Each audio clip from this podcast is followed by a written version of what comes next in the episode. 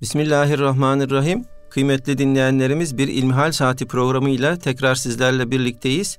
Yüce Rabbimizin selamı, rahmeti ve bereketi üzerimize olsun. Efendim sizlerden bize ulaşan ilmihal sorularına İstanbul Sebahattin Zaim Üniversitesi İslami İlimler Fakültesinden değerli hocamız Doktor Ahmet Hamdi Yıldırım cevap veriyor. Muhterem hocam ilk sorumuz şöyle. Ey Hatice ben fakirdim Allah beni seninle zengin kıldı. Sözleri hadis mi ve eğer hadis ise lütfen açıklar mısınız diyor dinleyicimiz. Buyurun hocam. Elhamdülillahi Rabbil Alemin ve salatu ve selamu ala Resulina Muhammedin ve ala alihi ve sahbihi ecmain. Hadisler Efendimiz Aleyhisselatü Vesselam'ın sözleri olarak bilinirler. Efendimiz Aleyhisselatü Vesselam'ın mübarek ağızlarından çıkmış olan sözleri sahabe efendilerimiz kayıt altına almış, ezberlemiş, kendilerinden sonra gelen nesillere aktarmış, nesilden nesile Hz. Peygamber aleyhissalatü vesselam Efendimizin sözü olarak korunmuş ve günümüze kadar gelmiştir. Bir sözün kendisinin doğru olması veya onu büyük bir insanın söylemiş olması onun hadis olduğu anlamına gelmez. Dolayısıyla Hz. Peygamber aleyhissalatü vesselam Efendimizin söylemediği, onun mübarek ağızlarından çıkmamış olan şeylere hadis diye bir nitelemede bulunmak doğru olmaz. Az önce sözünü ettiğiniz Efendimiz Aleyhisselatü Vesselam'a nispet edilen ben fakirdim ama e, seninle evlendikten sonra zenginleştim anlamına gelen söz de Efendimiz Aleyhisselatü Vesselam'a nispeti doğru olmayan, ona aidiyeti doğru olmayan bir söz olarak kaynaklarımızda nakledilmektedir. Efendimiz Aleyhisselatü Vesselam'ın mübarek ağızlarından böyle bir ifadenin çıktığına dair kaynaklarımızda bir kayıt bulunmuyor. Ama Vadduha suresinde Efendimiz Aleyhisselatü Vesselam'a hitaben Cenab-ı Allah ve vecedeke ailen feagna.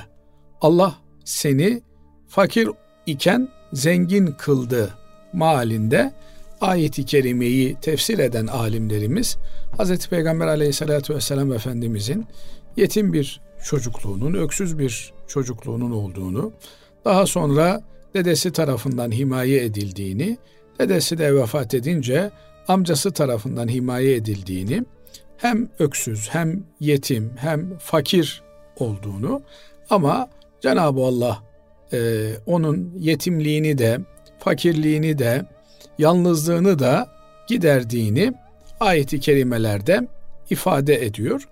Efendimiz Aleyhisselatü Vesselam'ın fakirken nasıl zengin hale geldiğini anlatan tefsirlerden bazıları işte Efendimiz Aleyhisselatü Vesselam'ın 25 yaşına kadar efendim e, fakir bir hayat sürdüğünü 25 yaşında kendisinden 15 yaş büyük olan Hazreti Hatice ile yaptığı evlilik münasebetiyle Hazreti Hatice'nin maddi ve manevi olarak hem Efendimiz Aleyhisselatü Vesselam'a manevi olarak destek olduğu hem de zenginliğini Efendimiz Aleyhisselatü Vesselam'a e, hibe ettiğini Böylelikle Efendimiz Aleyhisselatü Vesselam'ın da zenginleştiğini bazı tefsirler dile getirmişler. Birileri de bu tefsirlerin sözünü Hazreti Peygamber Aleyhisselatü Vesselam'a nispet ederek sanki onun sözüymüş gibi nakletmişlerdir ki bu doğru bir söz değil. Yani Hazreti Peygamber Aleyhisselatü Vesselam Efendimiz'e nispet edilen, ona aitmiş gibi gösterilen ona ait bir söz değildir. Ama mana olarak Hz. Peygamber aleyhissalatü vesselam Efendimiz maddeten yoksul iken Ayşe validemizle evlenmek suretiyle e, onun mallarına e, rehberlik yapmak suretiyle zenginlemiş. E, eşinin serveti bir yönüyle onun da serveti haline gelmiştir. Ondan sonra bolluk e, içerisinde bir hayat sürmüşler ve Efendimiz Aleyhisselatü Vesselam'a peygamberlik gelene kadar 40 yaşına kadar 15 yıl e, eski hayatına nispetle bir bolluk, zenginlik içerisinde yaşadığı e, siyer kaynaklarında, tarihi kaynaklarda kaydedilmektedir. Buradan hareketle bu sözün e, lafzan Hazreti Peygamber'e ait olmadığını söyledikten sonra manası ile ilgili yani eşler birbirlerinin zenginlikleriyle zengin olurlar mı meselesine temas etmeye gelince elbette eşlerin zenginlikleri birbirlerinin zenginlikleridir. Maddi manevi zenginlikleri böyledir. Birbirlerine mirasçıdırlar. Ölmeleri halinde elbette birbirlerine mirasçı olacaklardır. Hayatları zamanında da birbirlerinin zenginliğiyle zengin sayılırlar. Şöyle ki elbette Müslümanlıkta her bir ferdin mülkiyeti kendisine mahsustur. Yani koca zengin, eşi fakir olabilir. Hanım zengin, eşi fakir olabilir. Fakat birbirlerinin zenginliklerinden istifade ederler. Bu yönüyle evet kayıt kuyut olarak tapu kimin üzerine kayıtlı manasında birinin zenginliği diğerinin zenginliğinden farklı olabilir ama zenginlikten istifade etme manasına karı koca eşit olarak birbirlerinin zenginliklerinden istifade ederler. Şimdi adam zenginse kendine e, uygun bir meskende oturuyordur. Kadın da onunla beraber aynı meskendedir. Adam fakir ama kadın zenginse kadın da zenginliğine mütenasip bir yerde oturmak istediğinden dolayı elbette kocası da onunla beraber orada oturacaktır. Fakat asıl önemli olan birbirlerinin manevi yönlerine zenginlik katmalarıdır. Birbirlerine huzur, sekinet ve meveddet kaynağı olmalarıdır. Eğer e, aile birliği içerisinde eşler birbirleriyle o senin bu benim türünden bir ayrıma giderlerse orada huzursuzluğun olacağı aşikardır. Bazı rivayetlerde Efendimiz Aleyhisselatü Vesselam kişinin rızkının evlenmekle e, çoğalacağını ifade eder. Nitekim ayeti kerimelerde de bunlara işaret vardır. Siz bekarları evlendiriniz, onların geçimleriyle ilgili endişe taşımayınız. Allah onları fazıl, fazlından, ihsanından, lütfundan zengin kılar. Bakarsınız toplumda öyle kimseler vardır ki bekarken nasıl yaşayacaklarını, nasıl kendilerini e, hayata tutunacaklarını bilemez iken evlendikten sonra bir bolluk ve bereket içerisinde olurlar. Nihayetinde erkek de kadın da evlilik birlikteliği içerisinde rızkını bir yuvaya getirir ve o yuvanın ortak rızkı oluşmuş olur.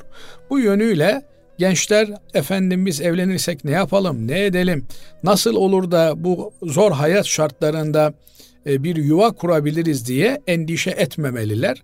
Cenab-ı Allah'ın e, Allah için evlenenlere, Allah için bir birliktelik kurmaya çalışanlara, efendim e, namusunu korumak için, iffetini muhafaza etmek için evlilik müessesesine başvuranlara ihsanı ve ikramı boldur.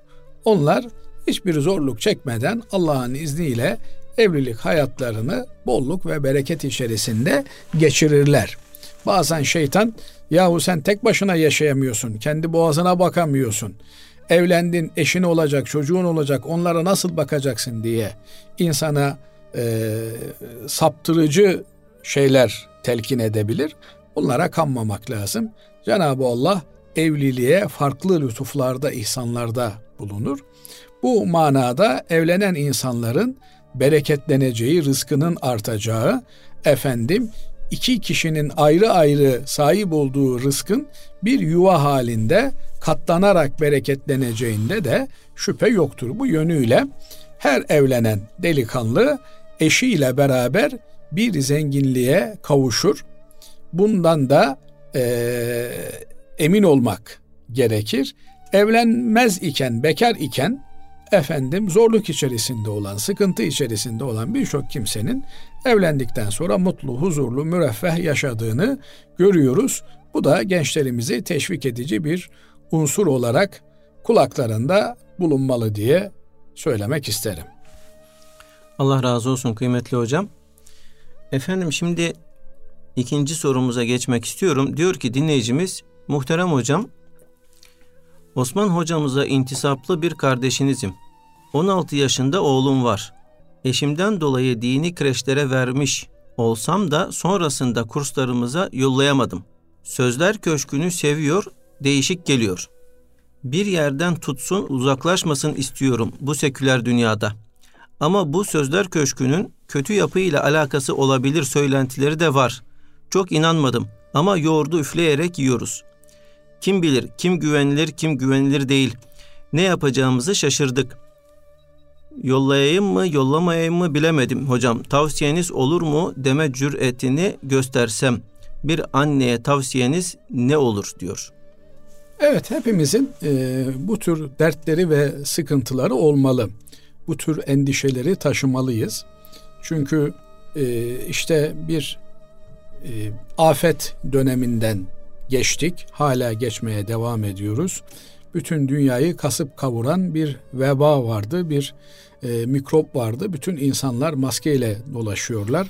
Aman bana bulaşmasın. Eğer bana bulaştıysa ben kimseye bulaştırmayayım diye endişeyle tedirgin halde evlerimizde, efendim şehirlerimizde, ülkelerimizde bir karantina hayatı yaşıyorduk. Hala tam anlamıyla eski normal sürece dönebilmiş değiliz. Niye böyle bir karantina hayatı yaşıyorduk? Çünkü e, ortalıkta mikroplar var, virüsler var. Bu virüslere karşı korunmamız gerekiyor. Evet maddi virüsler gelip geçiyorlar ama maddi, manevi virüsler kalıcı oluyorlar. Dolayısıyla her dönemde annelerin, babaların, efendim bizlerin, hepimizin böyle bir tedirginlik taşımamız gerekiyor. Çünkü şeytan boş durmuyor.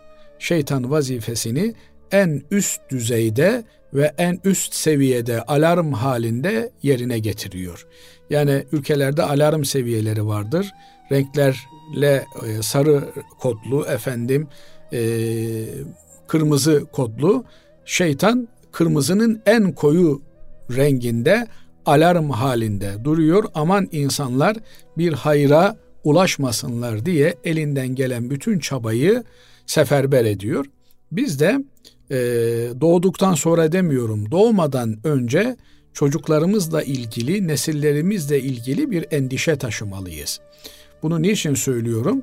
Evliliklerimizi ilk adımı atarken bu şekilde yönlendirmeliyiz. Yani seçeceğimiz eşimizi yarın e, çocuklarımızın annesi veya babası olarak seçmeliyiz. Belki bizim için ideal bir kimse olabilir. Bizim aradığımız vasıfları, nitelikleri taşıyor olabilir. Ama iyi bir baba olabilecek mi? İyi bir anne olabilecek mi? Çocuklarımıza istikamet verebilecek bir seviyede mi, değil mi? Bunu iyi etüt etmek gerekiyor. iyi tahlil etmek gerekiyor. O yönüyle e, ilk evliliğe adımlarımızı atarken sağlam adımlar atmalıyız. Elbette e, kimin ne olacağına bizim karar verme imkanımız yok. Bizim çocuklarımız üzerindeki etkimiz doğayla ve belli yönlendirmelerle sınırlıdır. Bazen aşırı yönlendirmeler çok e, kötü sonuçlar da verebilmektedir. Nasıl çocuklarımız rahatsızlandıklarında efendim e, hastane hastane dolaşıyoruz, doktor doktor arıyoruz en iyi doktora, en iyi hastaneye çocuklarımızı götürme endişesi, telaşı içerisinde oluyoruz. Manevi olarak da bir kırılganlıklarını gördüğümüzde, bir arızalarını gördüğümüzde bu şekilde tedirgin olmamız gerekiyor. Burada e, kardeşimiz e, bir takım e, sosyal medya mecralarında bu delikanlımızın takip ettiği yerler olduğunu söylüyor, dile getiriyor. Unutmamak gerekiyor ki bütüncül kabuller ve bütüncül redler her zaman sağlıklı sonuçlar doğurmazlar. Dolayısıyla bizim bütüncül reddimiz şeytana, iblise karşıdır. O bizim amansız düşmanımızdır. Ondan gene yana gelebilecek hiçbir hayır yoktur. Şeytan tamamen şerri temsil eder. Onun haricinde efendim herkesten istifade edilecek yönler vardır istifade edilmeyecek, reddedilecek yönler vardır. Bu yönüyle efendim şu hoca efendiyi dinlemeyin, onun sapık görüşleri var. Şu efendim e, kanalları takip etmeyin, orada sapık görüşler var diye bütüncül redlerin doğru olmadığını düşünüyorum. Bizim gençlerimizle ilgili, efendim nesillerimizle ilgili endişemiz onlarla her şeyi tartışabilecek düzeyde arkadaş olabilmemizden geçiyor. Eğer çocuklarımız karşılaştıkları şeylerle ilgili bizimle oturup konuşabiliyor, müzakere edebiliyor ve e, bizden bir şey saklamıyorlarsa o zaman onlarla münasebetimiz sağlam bir zeminde yürüyor demektir. Meydana gelebilecek olan arızaları düzeltme imkanımız var anlamına gelir. Ama eğer karşılaştığı şeyleri, ilk duyduğu şeyleri bizden saklıyor, bize rağmen bir şeyler biriktiriyor ise o zaman neyin nereden nasıl bulaşacağını takip etmemiz, kestirmemiz çok zordur. Diğer taraftan hiçbir mecraya bütünüyle bağlanmamak gerekir. Önce insanlar bu şeytani bir metottur. Mekkeli müşrikler de aminu vecehen nehari vekfuru ahirahu sloganıyla hareket ediyorlardı. Siz sabah Müslüman olduğunuzu söyleyin, mümin olduğunuzu söyleyin, bütün insanlara ilan edin. İşte filan mümin oldu, imana geldi, Kur'an'ı benimsedi. Akşama doğru da herkese ilan edin. Dinden çıktı, dinden döndü. Bu yönüyle de bir e, anti propaganda yapmış olun. Yani insanlar Yahu demek ki adam Müslüman oldu baktı Müslümanlıkta bir şey yok. Ondan sonra Müslümanlığı terk etti diyerek e, Müslümanlık karşıtı bir propaganda oluşturun diye ilk dönemden itibaren müşriklerden itibaren böyle bir e, şeytani siyaset izleniyor. Bazen bakıyorsunuz bazı mecralar çok güzel şeyler söylüyorlar. Çok hayır hizmetlerde bulunuyorlar. İşte bunların misallerini gördük. Ee, bir dönemde Yahudilikle mücadele ettiğini yani Siyonizmle mücadele ettiğini, masonlukla mücadele ettiğini söyleyip de ondan sonra açtığı kanallarla e, çırılçıplak kadınlarla dans eden e, sözüm ona hoca kisvesinde herifleri de bu memleket gördü. Başkalarını da gördü. Dolayısıyla her an tedirgin olmaya devam etmemiz lazım. Bunları söylerken bu bizim için de geçerli Basri Hocam. Yani e, son nefesimizi verinceye kadar her an şeytanın hilelerine, şeytanın tuzaklarına maruz olduğumuzun hem biz kendimizin böyle tuzaklara maruz olduğunu farkında olmamız gerekiyor hem de bizi dinleyenlerin de bu noktayı gözden kaçırmamaları gerekiyor. Hocam şimdi burada sözünüzü balla kesip efendim e, şunu sormak istiyorum. Yani birkaç böyle e, ne diyelim onu e, bir şey ipucu verin bizim dinleyicilerimize efendim. Yani mesela e, işte bir malın kalitesini e, incelerken bir kişi mesela diyelim yani bir takım özellikler arıyor. Ben ipin ucunu veririm de kaçırırlar diye korkuyorum. Asil hocam. Şimdi tabii e, burada konuşurken çok hassas mevzuları konuştuğumuzdan dolayı yani e, bir mecranın da adını vermiş olduk. E, bu kardeşlerimiz de bir hizmet görüyorlar. Farklı mecralarda da hizmet gören kardeşlerimiz var. E, hizmet politikaları bizim anlayışımıza uyar veya uymaz. E, bu noktada bir e, ihtilaf yani ayrı düşüncelere sahip olma e, fıkhını iyi kavramamız gerekiyor. Temel külli meselelerde yani temel imani meselelerde ki bu da hatta tarav küfran bavahan apaçık bir inkar görünceye kadar. Yoksa efendim e, filan hoca efendi demiş ki e, arş-ı aladan Cenab-ı Allah bizleri görüyor. Aa işte Allah'a mekan nispet etti. Bu adam dinden imandan çıktı diye. Böyle e, tevili malum olan bir takım ifadeleri mal bulmuş mağribi gibi e, değerlendirerek insanları ehli sünnetten çıkartmak gibi bir eğilimin içerisinde olmak ehli sünnete yapılabilecek en büyük zarardır.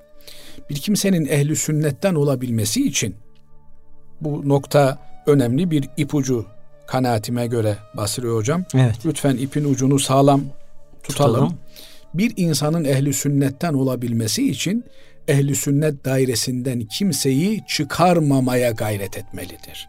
Öyle efendim o ehli sünnet değil, bu ehli sünnet değil, o öyle dedi, bu böyle dedi, bunlar ehli sünnet değiller diye toptancı ehli sünnetten dışlayıcı ifadeler olsa olsa ehli sünnet dışı kimselerin yapabileceği ifadelerdir. Hocam ben... E... Bu nokta önemli bir nokta.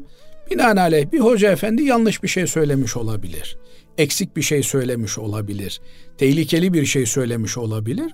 Bununla ilgili arkadaşlar Ahmet Hamdi Yıldırım Hoca şöyle bir şey söyledi. Biz buna katılmıyoruz. Bunun doğru olmadığını düşünüyoruz. Binaenaleyh kendisini de ikaz ederiz. Siz dinleyicilerini de ikaz ederiz. Hocanın söylediği bu söz yanlıştır. Deriz, geçer gideriz. Ama bunun ötesinde işte o ehli sünnetten çıktı, dinden çıktı, imandan çıktı türünden ifadeler ap açık bir küfür, inkar. Nedir o? Namaz diye bir şey yok. Kur'an diye bir şey yok. Peygamber diye bir şey yok diye açıkça ilan etmedikçe bir kimsenin imanı ile ilgili şüphe ulaştıracak, oluşturacak şeyleri söylemekten kaçınmak lazım. Bu bir bumarang gibidir. Söyleyen adamı gelir bulur. Siz bir şey söyleyecektiniz herhalde. Hocam ben şunu söylemek istiyordum. Ee, son zamanlarda e, yani son belki de 10 15 20 yılda daha çok duymaya başladık. Yani bu ehli yani Müslüman tabiri ve ehli sünnet tabiri. Yani o kadar yani Müslümanlık neredeyse unutuluyor. Yani e, ehli sünnet mi, ehli sünnet değil mi? Bunu biraz e, aşırıya kaçıldığını düşünmüyor musunuz? Yok. Yani ehli sünnet Müslümanlık demektir. Müslümanlık da ehli sünnet demektir. Fakat bir kimse kendisini Müslüman olarak görüyorsa sen ona Müslüman değilsin demek doğru bir şey değil. Ama şimdi e, kavramları da yerli yerinde kullanmak lazım.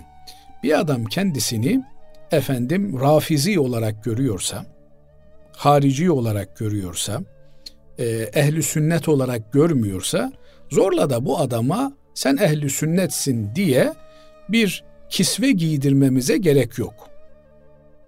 Ne demek istiyorum? Şimdi ehli sünneti ehli sünnet yapan şey Müslümanları İslam dairesinde tutmasıdır. Bakın bu sahabe-i kiram efendilerimizde başlıyor. Yani bir grup var. Bunlar Hazreti Peygamber aleyhissalatu vesselam Efendimizin hanımları ile ilgili şu hanımı Müslümandır, bu hanımı Müslüman değildir diye bir ayrım yapan bir grup var. Hazreti Peygamber'in ashabıyla ilgili, Hulefai Raşidinle ilgili, efendim Ebu Bekir, Ömer, Osman Müslüman değildir, diğerleri Müslümandır veya şunlar şunlar Müslümandır, diğerleri Müslüman değildir diyen bir grup var. İşte bu grup dışlayıcı, Müslüman camianın dışına insanları atıcı olan gruplar tehlikeli gruplardır. Bunlar hemen Efendimiz Aleyhisselatü Vesselam'ın vefatından sonra Hulefai Raşidin'den sonra ortaya çıkmış gruplardır. Bu gruplar kendilerinin hakkı temsil ettiğini söyleyen, işte bugün de kendisini ehli sünnetin savunucusu gibi gören ama o ehli sünnet değil, bu ehli sünnet değil, o Müslüman değil, bu Müslüman değil diyerek ayıklayıcı ve insanlar ya kardeşim ben ehli sünnetim, ben Müslümanım dedikleri halde yok sen değilsin. Niye? Sen şöyle bir söz söyledin. O sözün anlamı budur diye kendi anlamlarını, kendi anlayışlarını başkalarının sözlerine yüklemek suretiyle ehli sünnet dairesinin e, simsarlığını yapmaya kimsenin hakkı yok. Ama bir kimse de sahabe-i kiram efendilerimize Hz. Peygamber aleyhissalatu vesselam Efendimizin mübarek mutahhar hanımlarına laf uzatıyorsa, söz söylüyorsa onlar da kusura bakmasınlar. Yani bu meselede o kadar ucuz değil. Binaenaleyh ehl sünnet hassasiyeti önemli ama bu hassasiyeti ayağa düşürmemek lazım. Şu anlamda söylüyorum. Şimdi baktım bazı kardeşlerimiz kitaplarında İslam tarihinde İslam bilim tarihinde önemli olan isimlerle ilgili onlar ehli sünnet değildi, onlar Müslüman değildi diye ifadeler kullanıyorlar. Ya o elin gavuru mason olmayan kimselere bile bu masondu diyerek masonluğun propagandasını yapsın. Biz bilim tarihinde, bilim alanında buluşları olan zirve şahsiyetleri Müslüman oldukları halde efendim eften püften sebeplerle Müslüman değilmiş diye gösterelim. Bazı kavgalar tarihte olmuştur, bitmiştir. O kavgaları bugün tarih çöplüğünden didikleyerek bugüne taşımak bir Müslüman şahsiyetiyle bağdaşacak şeyler değildir. Bu hususlara dikkat etmek lazım. Yine asıl mevzumuza dönecek olursak eğer bir Müslüman bir yerden istifade ediyorsa o yer e, açık bir şekilde efendim dinsizliğin propagandasını yapmıyorsa ona mani olmamak lazım. Engel olmamak lazım. istifadesini kesmemek lazım. Çünkü bu gibi noktalarda önemli olan sen buradan çekip nereye götürüyorsundur. Yani e, caminin imamı kötü diye adamı cemaatten soğutursan ondan sonra ebedi billah cami yüzü görmez bu adam. Bugün kötü bir imam vardır, yarın iyi bir imam gelir, işler yoluna girer. Dolayısıyla bir şeyi yasakladığımızda onun yerine neyin geldiği meselesi önemlidir. Efendim filanları dinlemeyin, feşmekanları dinlemeyin diye eğer adam e, kahvehanelere gidecek ve orada zararlı içeriklerle meşgul olacaksa bu hususu iyi irdelememiz gerektiği kanaatindeyim. Allah razı olsun muhterem hocam. Değerli dinleyenlerimiz şimdi kısa bir araya gidiyoruz. Aradan sonra inşallah kaldığımız yerden devam edeceğiz. Kıymetli dinleyenlerimiz İlmihal Saati programımıza kaldığımız yerden devam ediyoruz. Sizlerden gelen sorulara değerli hocamız Doktor Ahmet Hamdi Yıldırım cevap veriyor. Selamun Aleyküm hocam diyor dinleyicimiz. Kızımızın adı Aliya. Aliya'nın davranışlarına ve karakterine etkisi nedir? Ayrıca isim koyarken annenin ve babanın isimleri dikkate alınarak mı koyulmalı? Bunun çocuğa etkisi nedir diye soruyor. Evet, nasıl e, anne babanın çocukları üzerinde hakkı varsa çocukların da anne babaları üzerinde haklarının olduğu bu haklarından bir tanesinin de çocuklara verilecek isimlerin güzel isimlerden seçilip konulması olduğu kitaplarımızda kaydedilir. Efendimiz Aleyhisselatü Vesselam'ın isim hassasiyetinin olduğunu biliyoruz. Efendimiz Aleyhisselatü Vesselam'ın bazı isimleri değiştirdiğini biliyoruz. değiştirdiği isim, isimlerin temel özelliği, temel karakteri bu isimlerin kötü anlamlar çağrıştırıyor olmasıdır. Efendim mesela e, bir kadıncağızın ismi Asiye imiş, isyankar. Efendimiz onun ismini Cemile diye, güzel diye değiştirmiş. Bir başkasının ismi Berre imiş. Yani itaatkar, e, kusursuz anlamına geliyor. Efendimiz Aleyhisselatü Vesselam onun ismini de değiştirmiş. Kimse Allah'a karşı kendisini suçsuz, ayıpsız, kusursuz olarak göstermesin buyurmuş. Dolayısıyla böyle mükemmel türünden bir isim e, verilmesini Efendimiz Aleyhisselatü Vesselam'ın yasakladığını görüyoruz. Diğer taraftan Efendimiz Aleyhisselatü Vesselam bir deve sağılması gündeme geldiğinde efendim e, kim bu deveyi sağacak demiş. E, orada bulunanlardan biri ben ya Resulallah demiş. Adın ne demiş? Murra demiş. Acı anlamına gelen murra demiş. Yok demiş başkası sağsın. İkinci biri çıkmış benim e, ya Resulallah demiş. Adın ne demiş? O da murra demiş. Öbürünü sormuş Efendimiz başka kim var diye. O da ben ya Resulallah adın ne demiş? Cemre demiş. Kor. Efendimiz Aleyhisselatü Vesselam sen de olmazsın demiş. Dördüncü bir sahabi e, onun e, ismi böyle e, olumsuz bir anlam taşımayan bir isimmiş. Şimdi hatırlayamadım ne olduğunu. Tamam sen sağ buyurmuş. Buradan da anlıyoruz ki Efendimiz Aleyhisselatü Vesselam'ın bir isim hassasiyeti var. Yani İsim çünkü bir insanla doğumundan ölümüne kadar devam eden bir e, attır. Onunla çağrılıyor, onunla anılıyor.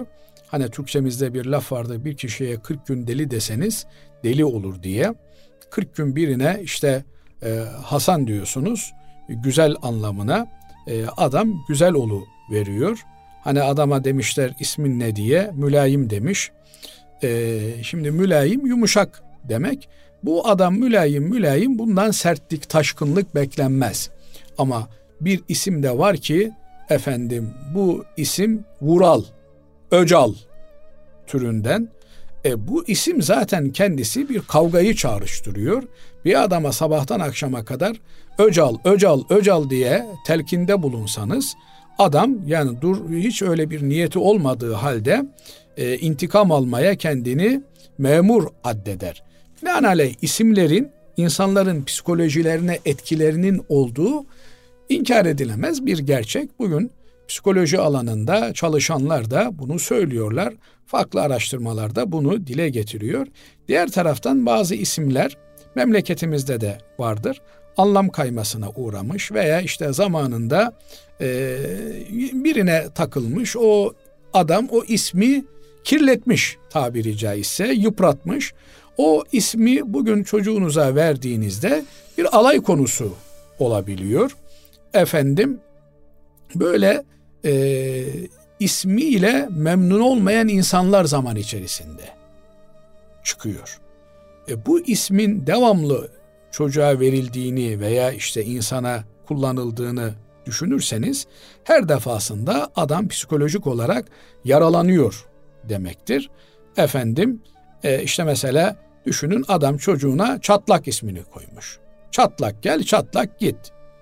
E buradan hareketle bu çocuğun e, psikolojisinin nasıl şekilleneceğini düşünecek olursak elbette bu tür kötü şeyleri çağrıştıracak, alay konusu olabilecek, toplum içerisinde akranları arasında efendim istihzaya yol açabilecek olan isimleri de kullanmamak gerekiyor. Onun yerine e, Efendimiz Aleyhisselatü Vesselam e, bir ismi beğenmemiş ne koyalım ya Resulallah demişler. Zeynep koyun demiş. İşte az önce söylediğim yani berra yani e, tertemiz anlamına gelen e, o ismi değiştirin deyince ne koyalım ya Resulallah demişler. Zeynep koyun demiş. Efendimiz Aleyhisselatü Vesselam isimlerin en Allah'a sevimlisi içinde abd kelimesi geçen Abdullah, Abdurrahman, hamd kelimesi geçen Ahmet, Mahmud, Muhammed bu isimlerdir buyuruyor. Binaenaleyh e, ya tarihimizde ya e, kökenimizde e, hayırla yad edilen bir İslam büyüğünün ismini koymak lazım veya anlam olarak güzel manaya gelen bir kelimeyi koymak lazım. Aliya kelimesi de yüksek anlamına geliyor, gökyüzü anlamına geliyor.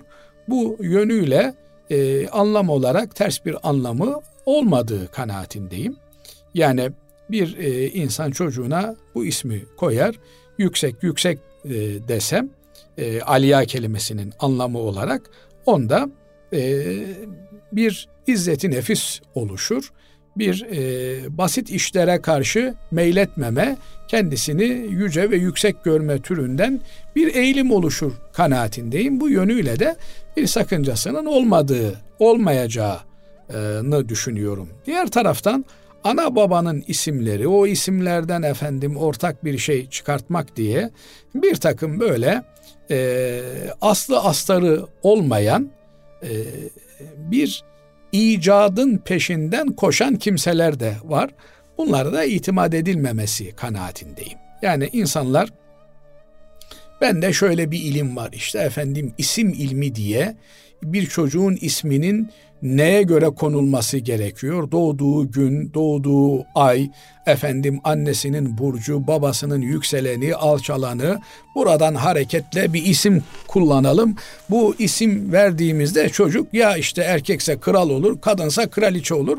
Böyle safsataların yeri yok. Cenab-ı Allah e, anneler babalar olarak bizden çocuklarımıza makul, müsbet, efendim çocuğun severek taşıyabileceği, gururla taşıyabileceği ve kendisine rol model olabilecek bir zatın, bir e, büyüğün ismini vermekle vazifemizi yerine getirmiş oluruz. Efendim bazıları derler ki işte Ömer verirsen celadetli olur. E, fakat öyle Ömerler tanıyorum ben. Maşallah mülayim arkadaşlar. Öyle kimseler de var. İşte Hasan dersen, Hüseyin dersen şöyle yumuşak olur. Efendim Hüseyin dersen e, karşı cins ona meyilli olur, rahat evlenir, kolay evlenir. Öyle Hüseyinler biliyorum 40 yaşına gelmiş, evlenememiş. Hasılı kelam bu tür şeyler test edilemeyen tamamen indiği mütalalara dayalı e, delili olmayan, kökeni olmayan şeylerdir. Bunlara da kulak vermemek gerekir. Maalesef bu tür telkinler bir müddet sonra farkındalık meydana getirir. Yani her çocuktur aksiliği olur. Efendim çocukların belli dönemlerde belli sıkıntıları olabilir. Bunları kişi e, ilgili kişi uzmanlarıyla göreş, görüşerek efendim e, üstesinden gelmeye çalışmalıdır. Yok efendim benim çocuğun ismi böyledir de ondan dolayı ergenlik döneminde böyle itaatsiz davranışları vesaireleri filan oluyor. Öyle şeylere e, çok da prim vermemek lazım. Bilmiyorum Basri Hocam sizin çocuklarda böyle isimle ilgili bir problem var mı? Yok hocam çok şükür. Elhamdülillah. Biri Osman, biri Zeynep elhamdülillah. Yani şimdi Osman çok mülayim derler. Öyle mi yani? o usludur derler. Evet. evet. Peki. Peki hocam Allah razı olsun. Efendim şimdi Azerbaycan, e, Can Azerbaycan'dan bir e, soru bize ulaşmış. Hocam kurbanın derisi illa da bir kimseye verilmeli mi ya da kullanılmalı mı? Yani onu toprağa gömsek olur mu? Mesela eşim kaç yıldır derisini bağırsak filan yani kullanılmayan organlarını bir de kafa ve ayaklarını gömüyor temiz bir yere bu caiz midir diyor. Şimdi e, bu mesele önemli. Bu meseleye iki türlü cevap vereceğim müsaadeniz olursa. Bir tanesi kişiler bazında kurban kesenler olarak bizim ne yapmamız lazım? Bir diğeri de kurban kesen müesseseler olarak ne yapmamız lazım? Mesela Hüdayi Vakfı biliyoruz kurban organizasyonu yapıyor. E, yüzlerce hayvan e, kesiliyor. E, insanlar geliyorlar Hüdayi Vakfı'nın hem Üsküdar yerleşkesinde hem Çamlıca yerleşkesinde hayvanlarının başında bulunuyorlar. Vekaleti kasaba veriyorlar, kestiriyorlar. Şimdi birincisi e, kurban dediğimiz kurban olacak hayvanlardan birini Allah için kesmektir. Bu koyun olur, keçi olur, efendim büyükbaş e, sığır olur veya deve olur. Bunlar kurban edildiklerinde tepeden tırnağa her şeyiyle kurbandırlar. Binaenaleyh kurban demek Allah'a bu hayvanın e, kesilmesi anlamına gelir. Bunun efendim e, vücudunu kurban edelim, kellesini kurban etmeyelim, onu satalım, derisini kurban etmeyelim, derisini satalım, ayaklarını satalım diye bir şey söz konusu değildir. Tepeden tırnağa her şeyiyle kurbandır. Kurban demek ne demek? Kestikten sonra biz o hayvanın etini yeriz, efendim kellesini, derisini istifadeye konu ederiz. Yani onlardan faydalanırız. Ne yapabiliriz? Derisini ya e, kendimiz becerebiliyorsak tabaklarız, tuza basarız, kuruturuz. Ondan sonra da e, derisini kullanırız. Eğer bunu beceremiyorsak, imkanımız yoksa o zaman derileri toplayan bir hayır kuruluşuna Allah için çalışan bir müesseseye bağışlarız. Biz oraya onu bağışladıktan sonra vazifemizi yapmış oluruz. Aynı şekilde efendim hayvanın kellesiyle meşgul olamayacağımızı o çünkü bir e, meşguliyet istiyor, bir maharet istiyor. E, kelledeki etin tiftiklenmesi, ayıklanması, derinin soyulması hakikaten meşguliyetli bir şey. Bunu bir fakire verebiliriz veya bir müesseseye, bir kuruma bağışlayabiliriz. Satmak yok. Ya kendimiz kullanırız ya da kullanmak üzere bir fakire bağışlarız. Fakire bağışladıktan sonra fakir bunu ister kendi kullanır, isterse de efendim paraya çevirebilir. Aynı şekilde e, Hüdayi Vakfı'na gelmişsiniz. Burada kurban kesiyorsunuz. Kardeşim kurbanı kestim. Efendim etini aldım. Derisini de almak istiyorum diyebilirsiniz. Etini al, derisini alabilirsiniz. Kelleyi almak istiyorum diyebilir. Kelleyi alabilirsiniz. Ayağını alabilirsiniz. Her şeyini alabilirsiniz. Kurban sizin kurbanınız. Şu kadar var ki işte Hüdayi Vakfı e, diyor ki ben diyor sizin adınıza bu hayvanın üçte birini fakir fukaraya dağıtacağım. Müsaadeniz olursa dağıtayım diyor. Müsaade ederseniz hayvanın üçte birini sizin adınıza alıp dağıtıyor. Ama ben derisini kullanamam. Ben başını kullanamam, ayaklarını kullanamam, bağırsağını, işkembesini kullanamam. Bunu da vakfa bağışladım. Dedikten sonra vakıf bunu derisini, bağırsağını, efendim ayağını, şurasını, burasını kendi kullanabiliyorsa kendi kullanır, kendi kullanamıyorsa efendim ilgili kimselere satabilir. Satıp gelirini yine bir hayır cihetine kullanabilir. Binaenaleyh bazen soruyorlar efendim işte biz e, hayvanın derisini ne yapalım? Bununla meşgul olabilme imkanımız yok. E bunu gömmek, bunu heder etmek doğru değil. Bunu çöpe atmak doğru değil. Eğer bir Müslümana verebiliyorsanız onu e, alan kimseyi bulamadınız. Ticari olarak geldi biri dedi ki bu bağırsağı bana sat, bu işkembeyi bana sat. İsterseniz al kardeşim senin olsun. Ben senden para istemiyorum dersiniz. İsterseniz de kaç lira veriyorsun? 5 lira veriyorsun. Ver bana 5 lirayı. O 5 lirayı alırım. Ben de bir fakire, bir fukaraya o 5 lirayı ödemek suretiyle kurbanımın tamamını Allah'a kesmiş olurum. O 5 lirayı kendi cebime atmam doğru olmaz. Yine aynı şekilde kasaba sen benim kurbanımı kes, kellesi derisi senin olsun demek doğru olmaz. Çünkü kurban bir bütün olarak Allah'a kurban edilmelidir. Bunun içerisine kelle dahildir, deri dahildir. Ama siz kasaba kesim ücretini ödedikten sonra orada heder olacağına, atılacağına veya işte orada bıraktınız almadınız. Bunun anlamı nedir? Kim alırsa alsın. Yani bir Müslüman gelsin alsın ben ona bağışladım demektir. Orada Müslümanlar bunları toplamışlar, almışlar. Ondan sonra satmışlar, değerlendirmişler. O onların meselesi haline gelir. Binaenaleyh eğer böyle kurban organizasyonu yapan vakıf müesseseleri varsa bu müesseseler efendim e, topladıkları organizasyondan kalan derileri, kelleleri, paçaları, işkembeleri veya diğer sakatatı satmak suretiyle değerlendirebilirler. Şu kadar var ki elde ettikleri bu parayı da yine hayır hasanat cihetine kullanmaları gerekir. Evet. Allah razı olsun. Güzel bir açıklama oldu değerli hocam. Efendim e, ben Hristiyanlardan yani bir Amerikan yardım sitesinden ya da Avrupa'da bir yardım sitesi olabilir. Yardım almak istiyorum. Çünkü birçok zenginden borç istedim, kimse dönüş yapmadı. Çaresiz kaldığım için bu yola başvuruyorum. Buralardan yardım almak caiz midir diyor.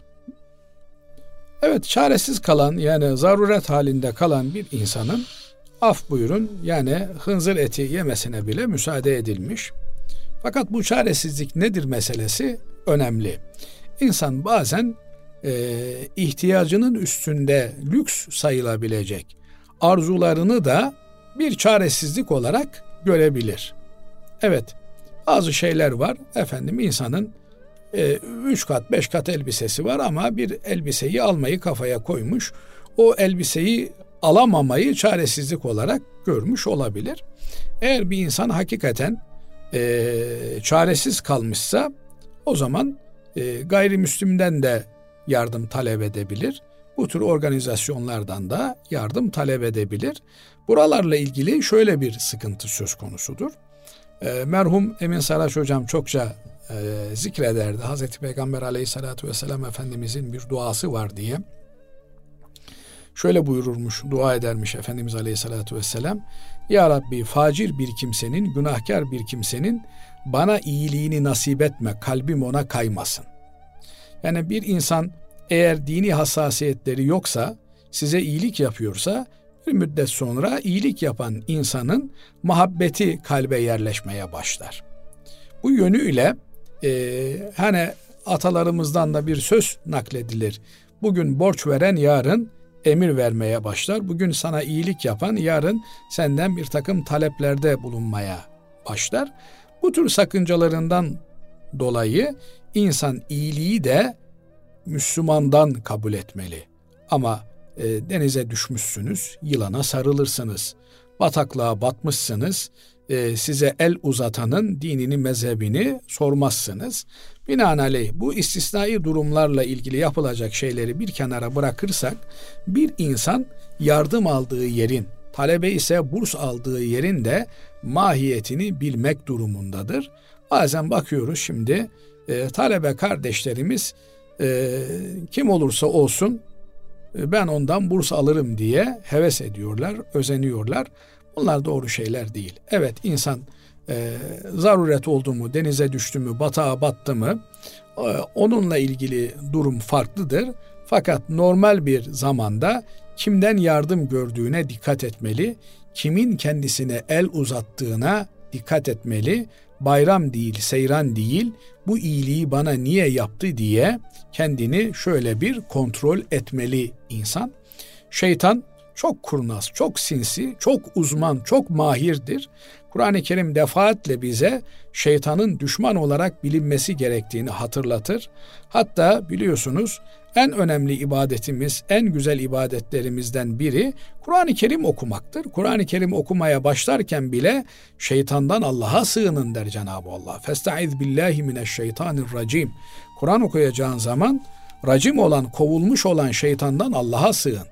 Yani her hayır işe musallat olur. Özellikle de hayır işleri boşa çıkartmak için elinden gelen gayreti gösterir. Öyle melun bir varlıktır. Binaenaleyh bir insan sabırlı olmalı, tahammülkar olmalı. Hemen öyle bir iki sendelemede gavura el uzatmamalı, onun himmetini, mededini beklememeli. Bu noktaya da dikkatlerini çekmek isterim değerli kardeşlerimin. Allah razı olsun hocam. Değerli dinleyenlerimiz, bugünkü İlmihal Saati programımızın da böylece sonuna ermiş bulunuyoruz. Efendim hepinizi Allah'a emanet ediyoruz. Hoşçakalın.